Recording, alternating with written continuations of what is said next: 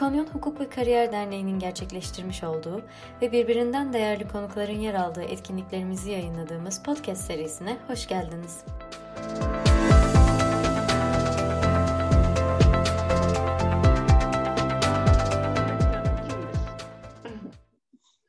Ee, ben e, e, 74 İstanbul doğumluyum 1974.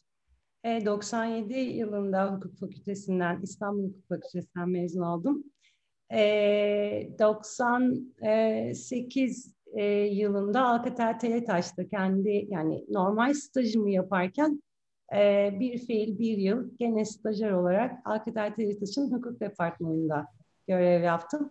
Arkasından daha 99 Temmuz'du zannediyorum Telsim'e e, bir kontratlama avukatı, junior bir kontratlama avukatı olarak e, göreve başladım Telsim'de. Ve Telsim'den Vodafone'a geçen süre boyunca tam 21 yıl toplam meslek hayatı ama bunun e, zannediyorum 19 yılı tamamen Telsim aradaki yönetimler ve e, Vodafone'la beraber e, Vodafone'da e, görev yaptım. Arkasından da Ocak sonu 2020 Ocak sonu itibariyle artık kendi e, kariyerimi tek başıma e, devam etmek üzere kurumsal hayatı veda etme kararı aldım. O günden beri de hukuk danışmanı ve project e, manager olarak e, görev yapıyorum. Çok teşekkür ediyoruz. E, Vodafone'da uzun bir geçmişiniz olduğunu biliyoruz e, Gökçe Hanım. E, oradaki tecrübelerinizden kısaca bahsetmek ister misiniz? Ee, şöyle anlatabilirim. Vodafone'da her seviyede görev yaptım diyebilirim. Çünkü meslek hayatımın çok büyük bir kısmını yaklaşık 19-20 e, yılını orada yaşadım. Ee, dediğim gibi bir kontratlama avukatı olarak girip uyum direktörü olarak veda ettim. Ee, arada e, sözleşmeler ekibinin yeniden yapılanması, Vodafone'a devirler, tahsil süreçleri burada hep farklı farklı görevler aldım. E, ve en sonda e, dediğim gibi hem lokal hem e, global uyumdan sorumlu yani hem sektörel hukuk hem de global politikalara uyumdan sorumlu uyum direktörü olarak e, veda ettim. E, şöyle anlatabilirim tecrübelerimi.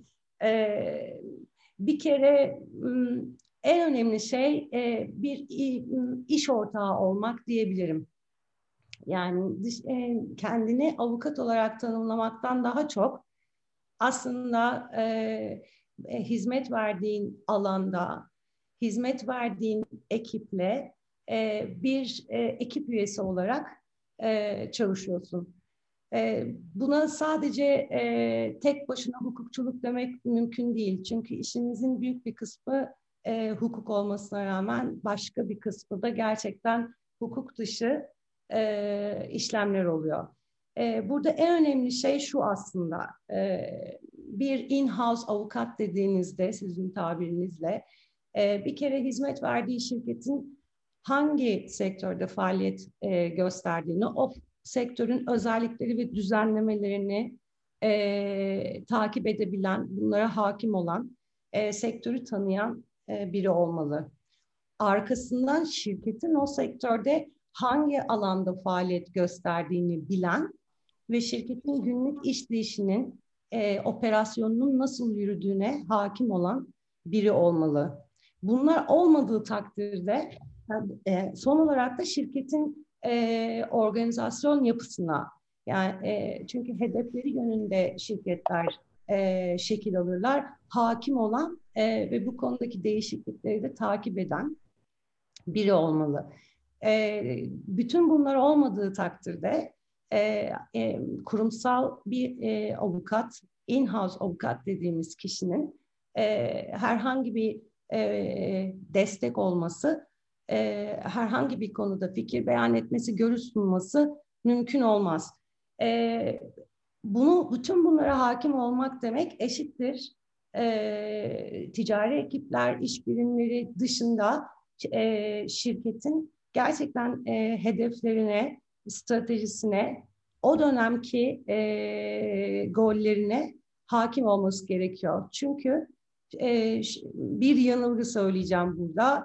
e, işi yapan sadece iş ekipleri değil firmalarda. İşi olduran ekipler, iş ekipleriyle birlikte görev yapan ekipler ki bunlardan bir tanesi hukuk ekibidir. Dolayısıyla bir şirketin e, stratejisine, koştuğu hedeflere hakim olan, bu hedeflerden iş birimleri kadar kendini sorumlu tutan e, biri olmalı. E, in-house avukat.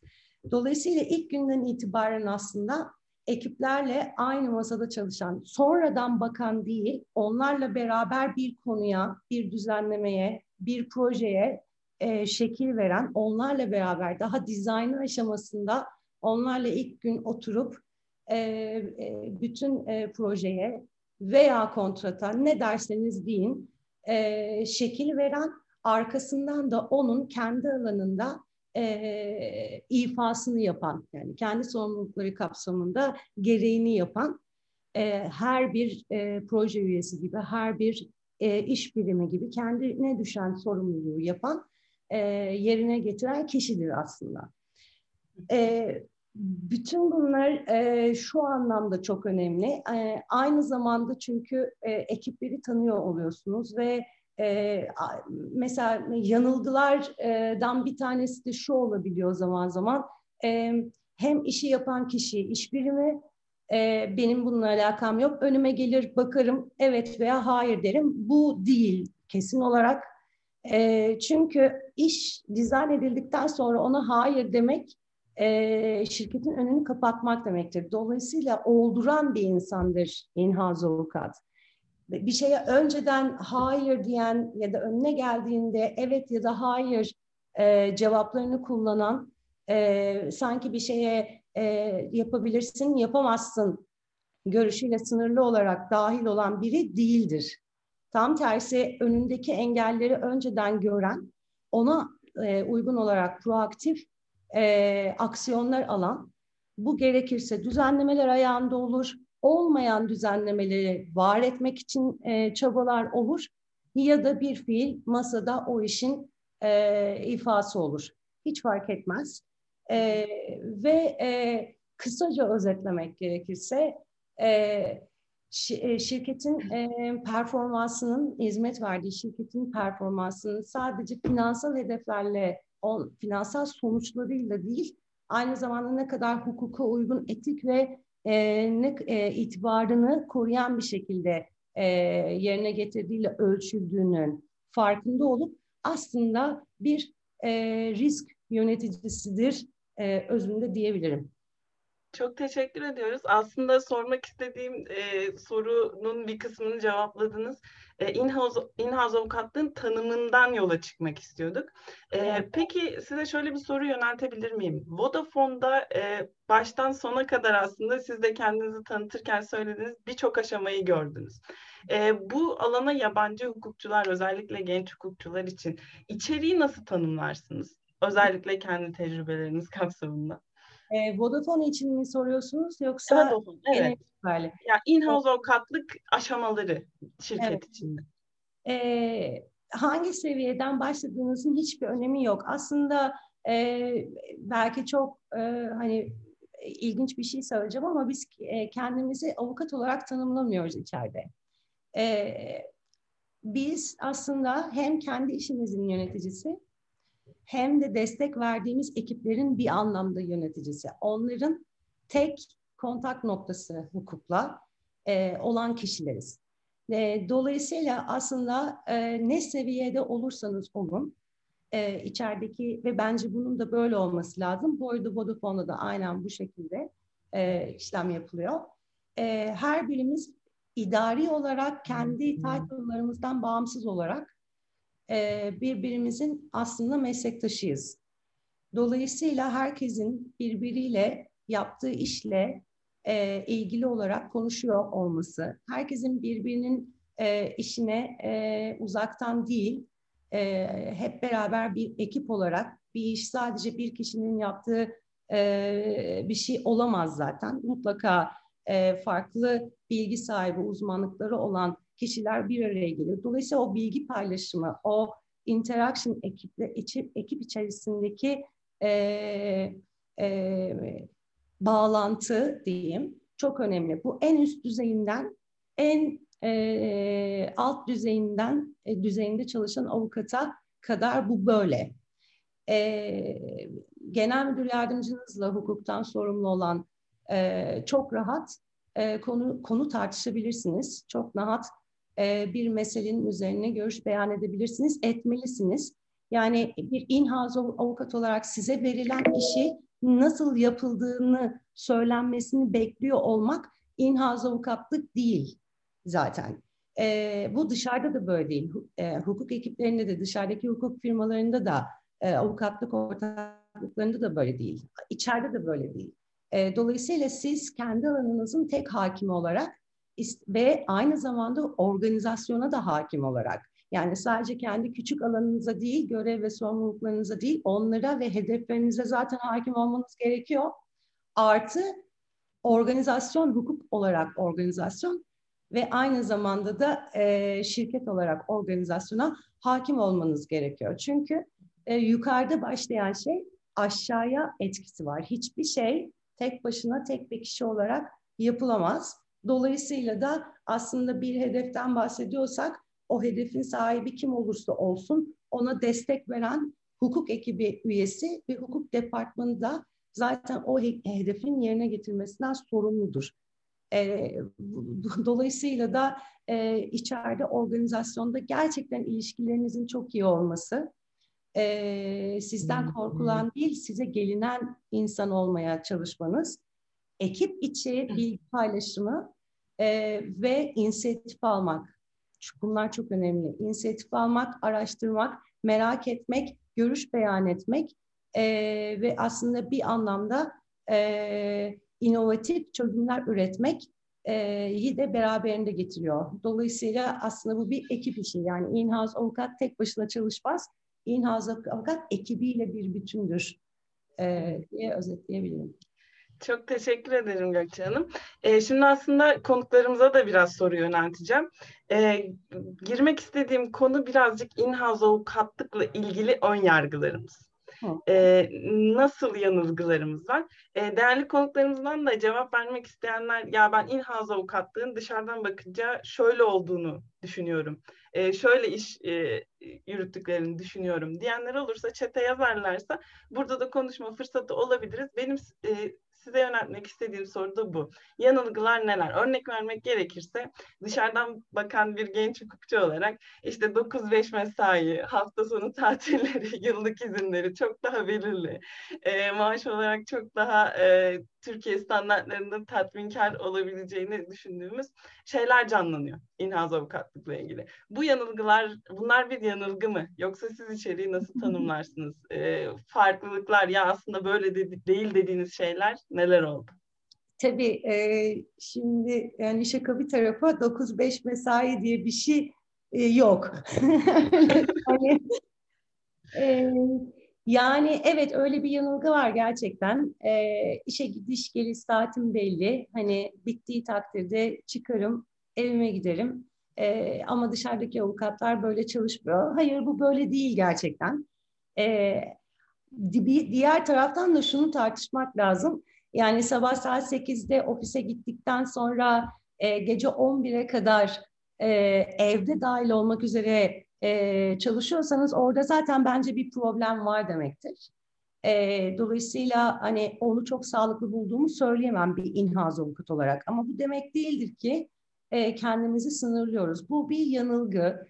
Evet bazı e, nedir kolaylıkları onu söyleyeyim. E, kaynaklara erişiminiz çok kolay oluyor. Özellikle de e, ekosistemi büyük firmalarda e, görev yapıyorsanız, örneğin e, uluslararası firmalarda görev yapıyorsanız, başka ülkelerde operasyonu olan firmalarda görev yapıyorsanız gerçekten bilgiye ve en iyi uygulamalara erişmeniz hani bir tuş uzaklığında oluyor. Çünkü dünyada gerçekten kendi alanında en iyi avukatlar sizin aslında çalıştığınız organizasyonun içerisinde örneğin başka işte İtalya'da, İspanya'da çalışıyor oluyor ve merak ettiğiniz her şeyi, öğrenmek istediğiniz, bilgi almak istediğiniz her şeyi çok kolay e, öğrenebiliyorsunuz. E, içeride de aynı şekilde E, bu sizin kurduğunuz ilişkiye çok bakar. E, in-house avukatın daha önce de söyledim. En önemli özelliği hizmet verdiği ekipler şirketin diğer fonksiyonları ile ilişkilerini gerçekten iyi yönetiyor olması lazım. Eğer onlara polislik yaparsanız onlar size duvarı e, örer e, ve sadece ihtiyaçları olduğunda veya son dakika size gelir. E, ama ya da gelmez hani. Ama siz onlarla aynı e, masada oturup baştan itibaren beraber çalışırsanız onlardan devamlı bilgi akışı olur size.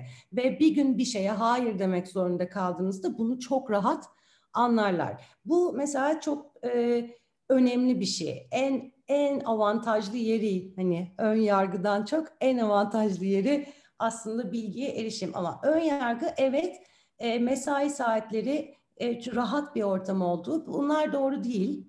E, dışarıda nasılsa içeride de öyle. E, artı mesela tek bir e, müşterim var. Yanılgısı da var bence. Hayır, tek bir müşteriniz yok. Biraz önce de söylediğim gibi şirketin kendisi, bütün operasyonu, grup şirketleri artı içerideki fonksiyonlar yani sizin yönetim ekibinden tutun e, örneğin teknoloji ekibine kadar hepsi sizin e, müşteriniz aslında. Dolayısıyla tek bir müşterim var, kafam rahat olacak, tek bir insana hizmet veriyorum. Bu da doğru değil. E, onun dışında e, şöyle bir şey söyleyebilirim. Evet bir takım zorlukları olabilir içeride çalışmanın. Kendini bazı mesela meslektaşlarım kısıtlı hissediyor. Tek bir alanda hizmet veriyorum. E, işte kendimi geliştirmek mümkün olmuyor. Bulunduğu alanda e, dönüp duruyor. Bu da doğru değil. E, çünkü e, içeride işte dediğim o ekip içi e, uyum, ekip içi konuşmalar. E, birincisi sizin en büyük kaynağınız. İkincisi e, bu kişinin kendi elinde dışarıda da e, hukukçuluk yapıyor olsanız, kendi ofisinizi kurmuş olsanız da devamlı kendinizi geliştiriyor olmak, meraklı olmak orada da geçerli. Yani e, tek bir alanda kalmak değil bu. E, ama iyi olduğunuz alanda güçlü yönlerinizi e, kullanılması görevinizden bağımsız olarak mümkün e, bir e, şirket içerisinde sorumluluklarınızdan bağımsız olarak güçlü taraflarınızı ortaya koyabileceğiniz işlerde bir proje e, ekip üyesi gibi hizmet verebildiğiniz durumlarla karşılaşırsınız. Belki kendi ofisinizde bu böyle mümkün olmaz. İş seçme şansınız olabilir kendi ofisinizde e, ama e, içeride böyle bir şansınız yok. E, dolayısıyla size verilen sorumluluğu iyi kavrayıp hedeflerinizi iyi kavruyor olmanız lazım. E, benim aklıma gelenler şu an bunlar. Eğer arkadaşlardan varsa e, şey yapan. E, bir tane geldi Gökçe Hanım. E, in-house avukatlığın sadece danışmanlıktan ve fikir vermekten ibaret olduğu ile ilgili bir ah. kanı vermiş. ne, ne söylemek istersiniz? E, hayır öyle değil. e, çünkü tek yönlü bir şey değil. Biraz önce de söylediğim gibi. E, tabii ki bizim yaptığımız şey e, genel itibariyle danışmanlık gibi gözüküyor olabilir ama biz aynı zamanda işin ifasından da sorumluyuz. Yani o işe görüş verdikten sonra ben yapmayın demiştim zaten deyip e, bir kenara çekilemezsiniz. Dolayısıyla aslında danışmanlıktan öte o işi oldurmak için alternatif çözüm yolları nedir bunları araştırıp bu konuda aksiyon alıyor olmanız lazım. O aksiyon artık tamamen size ait çünkü. Yani bir iş ekibinden e, sizin almanız gereken hukuki bir aksiyonu almanızını bekleyemezsiniz. Veya iş ekibinin çok önemli stratejik bir hedefine giderken ihtiyacı olan bir regülasyonu e, zaten böyle bir düzenleme yok şu anda yapamazsınız değil. Onun etkilerini hem finansal hem e, de hukuki etkilerini iyi analiz edip onu oldurmak için kendi e, ve onlarla beraber çalışarak e, düzenlemeler, e, taslakları hazırlıyor olmanız ve onları oldurmaya çalışmanız önemli. Yani e, sa işte sadece e, bir taraftan da şöyle bir şey yani benim çalıştığım firmalarda e, hem Alcatel hem e, Vodafone için söyleyeyim e, oturup kendisine danışılmayı bekleyen bir ekip üyesi görmedim. Yani firmadan firmaya değişiyor olabilir bu yaklaşım. E, sektörden sektöre de değişiyor olabilir. Ama e, bence e, burada çuvaldızı e, hukukçu arkadaşlarımın kendisine e, biraz batırması gerekiyor. Eğer siz oturup kendinize gelmelerini bekliyorsanız zaten bir güven ortamı yaratamazsınız ve biraz önce anlattığım bir inhaz avukat tecrübelerinize göre nasıl olmalı tanımlar mısınız demiştin ya onu yapamazsınız. Zaten ve bir gün sonra da artık size gelmezler. Yani danışmak için bile gelmezler. Dolayısıyla bu, bu büyük bir yanılgı. Sonraki hamleleri öngörebilen biri olmanız lazım esasında. Yani işimizin e, neredeyse yarısı düzenleyici. Olmayan şeyleri düşünmekle. Evet, çok teşekkür ediyorum. E, bu bu sürece kadar aslında inhaz avukatlığın tanımını yaptık e, ve bir takım yanılgılardan bahsettik. Aslında neydi, ne oldu? E, şimdi de bir, bir seviye öteye gidersek inhaz avukatlığın geleceğini nasıl görüyorsunuz? Aslında mesleğe başladığınız günden bu yana birçok değişimi siz birebir gözlemlediniz e, ve sizce gidiş nereye doğru? Neler bekliyor? Ben e, gerçekten çok net gözlemledim e, çok küçük e, ekiplerle başlayıp çok gerçekten büyük sayılabilecek ekiplerle çalıştım e, zaman zaman. E, şimdi genel itibariyle bence hukuk ekibinin e, gittiği yol e, bu neyi içeride yapacağız, neyi outsource edeceğiz, neyi dışarıya vereceğiz. E, konularında çizdiği çizgiyi tekrar değerlendirmesi gerekecek. Çünkü bu çok büyük önem kazanacak. Neyi içeride yapmalı inhaz avukat, neyi dışarıdaki destek olan meslektaşlarıyla beraber yapmalı ve dışarıya aldık, aldığı işi de yönetirken pozisyonu ne olmalı? Bu zaten bence çok önemli. Daha e, e, yani zamanının bana göre dörtte üçünü hukuk ekipleri e, bugünden sonra bu yeni dünya düzeninde e, risk yönetimine harcayacak. Daha çok efektif olarak riski yönetebilmek için uyum konularına e, zaman harcayacak. E, bunu e, öngörüyorum. Uyum derken her türlü hem sektörel hukuk uyumları hem regülasyon hem de global politikalar. Yani hiçbirimiz artık bir ha yani yüzde yüz bir Türk şirketi olsak bile bir ekonomik ambargo e, politikasından haberimiz yok diyemeyiz. Veya Covid kapsamında getirilen yeni düzenlemelere kendi sektörünüzde ve devam eden düzenlemelere kendi sektörünüzde fiili olarak uyumun sağlanması için e, ne tür aksiyonlar almanız gerektiğini biliyor veya bunları düşünüyor olmanız lazım. Bunlar hepsi aslında en başta geldiğim şey şirketin e, reputasyonuna müşterileri gözündeki reputasyonuna e, çok etkili ve reputasyon bir in-house avukatın en çok bekçisi olması ve belki de tek bekçisi olması gereken şey şirket için söylüyorum. Onun e, sahip olduğu lisansları korumak, sah sahip olduğu izinleri korumak anayasası gibidir bir şirketin e, ve onun reputasyonunu korumak. Dolayısıyla bence bunlar çok önem kazanacak. Teknolojiyi çok kullanan e, ve aslında risk yönetimi kapsamında teknolojiyi yine proaktif bir e, amaçla kullanıyor olacak. Big Data'dan, büyük datadan faydalanacak ve risk gerçekleşmeden riskin oluşturduğu, e, riski oluşturan e, e birleşenleri ortadan kaldıracak gene proaktif yani e, aksiyonlar. Yani o ihlal gerçekleştiğinde değil, gerçekleşmeden önce aksiyonunu ihlalin gerçekleşmesini engellemek için harcayacak. Şimdi bu bir hukuk ekibi böyle bir yani bence in-house function'lar böyle bir e, yapıya doğru gidiyorlarsa o zaman size ilk sorunuzda anlattığım e, in-house avukat tipi çok önem kazanıyor.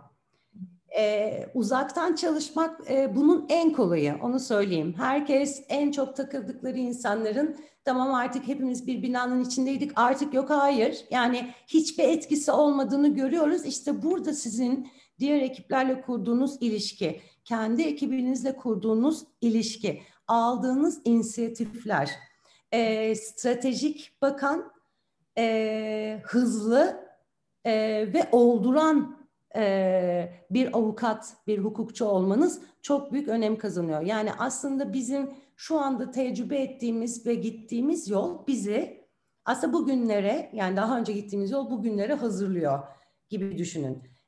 Dolayısıyla biraz önce çizdiğim resim bir in-house avukat için gerçekten yüzde yüz gerçekleşmesi gerekir. Çünkü aksi takdirde kurumsal hayatta var olması mümkün olmayacak. Yani aslında özetle e, değişen sürecin bize büyük bir hız ve hızlı aksiyon almayı öğretmesi gerekiyor. Çevikliği öğretmesi gerekiyor. Agile diyorlar buna e, Vodafone'da. E, Vodafone'da Agile hukuk ekibini yönetme şansına e, sahip oldum ayrılmadan önce. Tamamen sanal bir ekip. Size bağlı olmayan ekip üyeleriyle e, iş birimlerine destek oluyorsunuz. Çok önemli stratejik e, projelere e, kaynak veriyorsunuz. O kişinin yüzde yüz sorumluluğu o. Şimdi bunu düşünsenize sanal ortamda böyle bir sanal ekip yaratabiliyorsunuz. Evet kişiler var fiziksel olarak. Şimdi işte agile çalışma şu anda çok önemli olacak. Yani agile çalışmada kısacası o ekibin içinde oturmaktan o ekip ne yapıyorsa, o ekip ne düşünüyorsa onu düşünmekten yani sadece pure hukukçu şapkasıyla değil e, hem hem de aynı zamanda business şapkasıyla bakabilen e, hukukçular olması gerekiyor. Evet, çok teşekkür ediyoruz. Benim e, sormak istediğim bir başka soru da hukuk proje koordinatörlüğü e, sıfatı.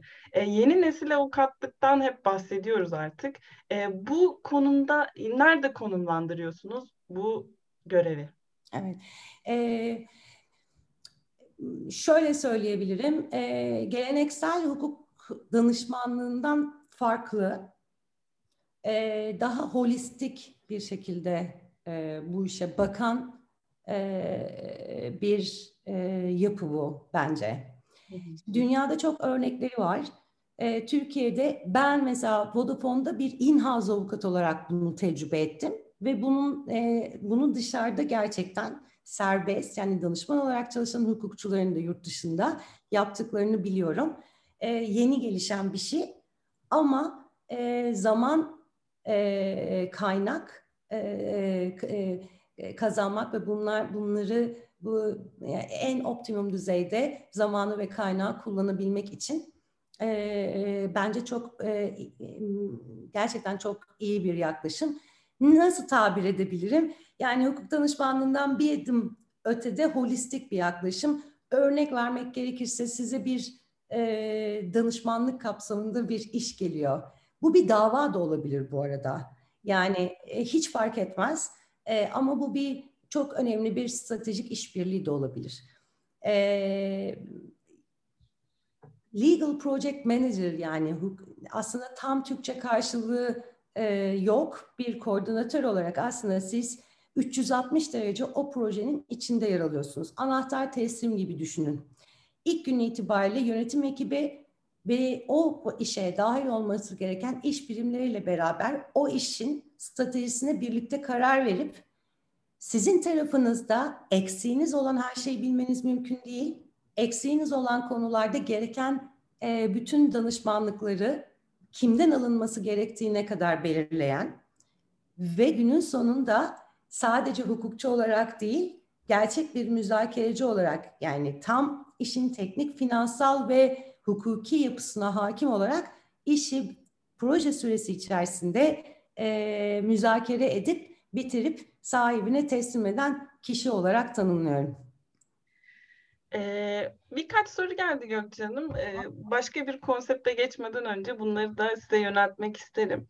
Ee, bir tanesi mesleği icra etmeye direkt in-house olarak başlayan bir avukatın dışarıda serbest faaliyet gösteren bir avukata nazaran mesleğin farklı dinamikleri açısından ne gibi de- dezavantajları olabilir diye bir soru yöneltildi size. Ee, şey çok önemli. Ee, e, yani üzerinde konuştuğumuz, tartıştığımız e, içeride e, bir avukat için söylüyorum. E, genel itibariyle uygulama konusunda kendini dışarıdaki yani yapı, bir mevzuatın uygulanması konusunda tabii ki kendi e, hizmet verdiği alanda çok e, bilgi sahibi olabiliyor. E, ama bence en büyük dezavantajı gerçekten e, davalar konusunda özellikle e, ve yargıtay kararları, e, mahkeme kararları bunların takibinde çok e, etkin olması gerekiyor. Neden? Çünkü siz e, hem e, tabii ki genel itibariyle outsource edilen kısım e, dava tarafı olduğu için dışarıda e, hukukçu o oradaki dünyayla iletişimini kesme riskine e, günün yoğunluğu e, sebebiyle e, riskiyle karşı karşıya kalabilir. E, bu tamamen kişide biten bir şey.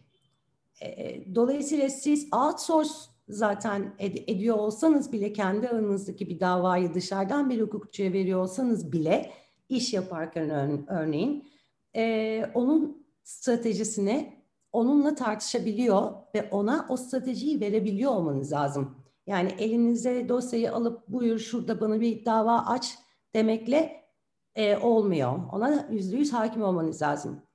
Bunu yapabilmeniz için de dışarıdaki dünyayı takip ediyor olmanız lazım. İşte en büyük risk o bağlantıyı kendi uzmanlık alanında kesecek, e, kesme ihtimali olarak görüyorum ki e, açıkçası ben in-house avukatları hani o bağlantıyı çok kestiğini görmedim. E, ama e, böyle bir risk var.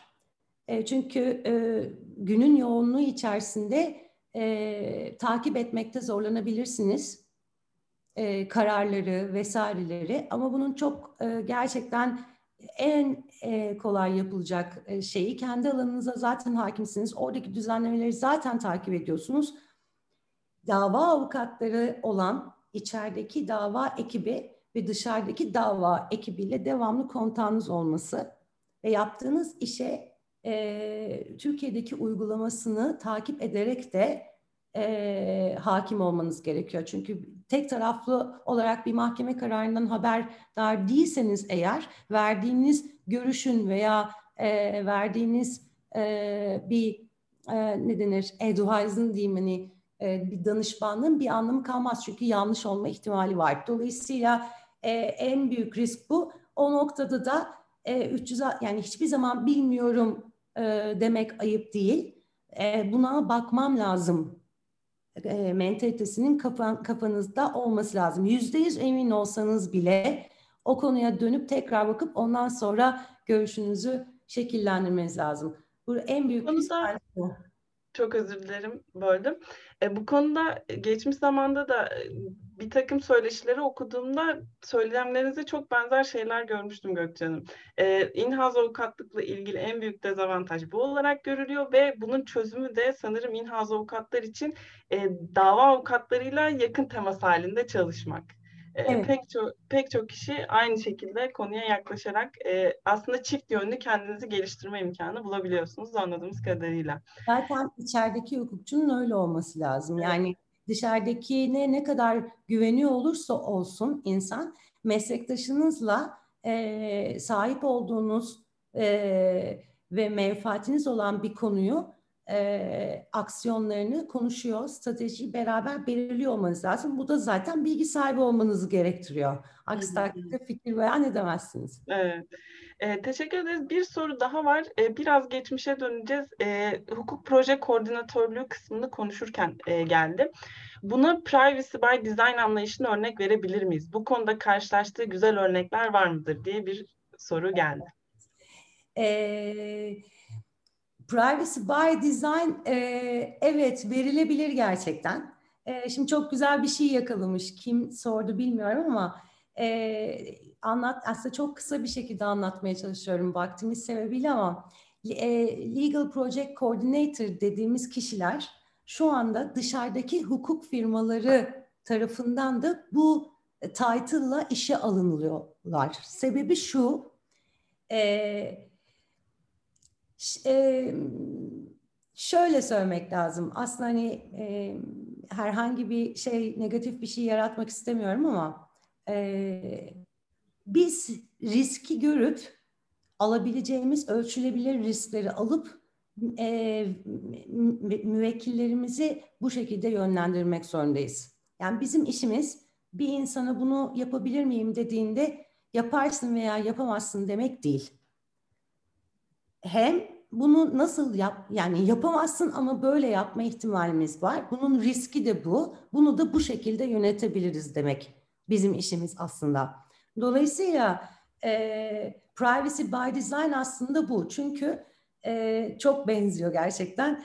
Çeşitli fonksiyonlarla hukukçu bir arada çalışmak zorunda.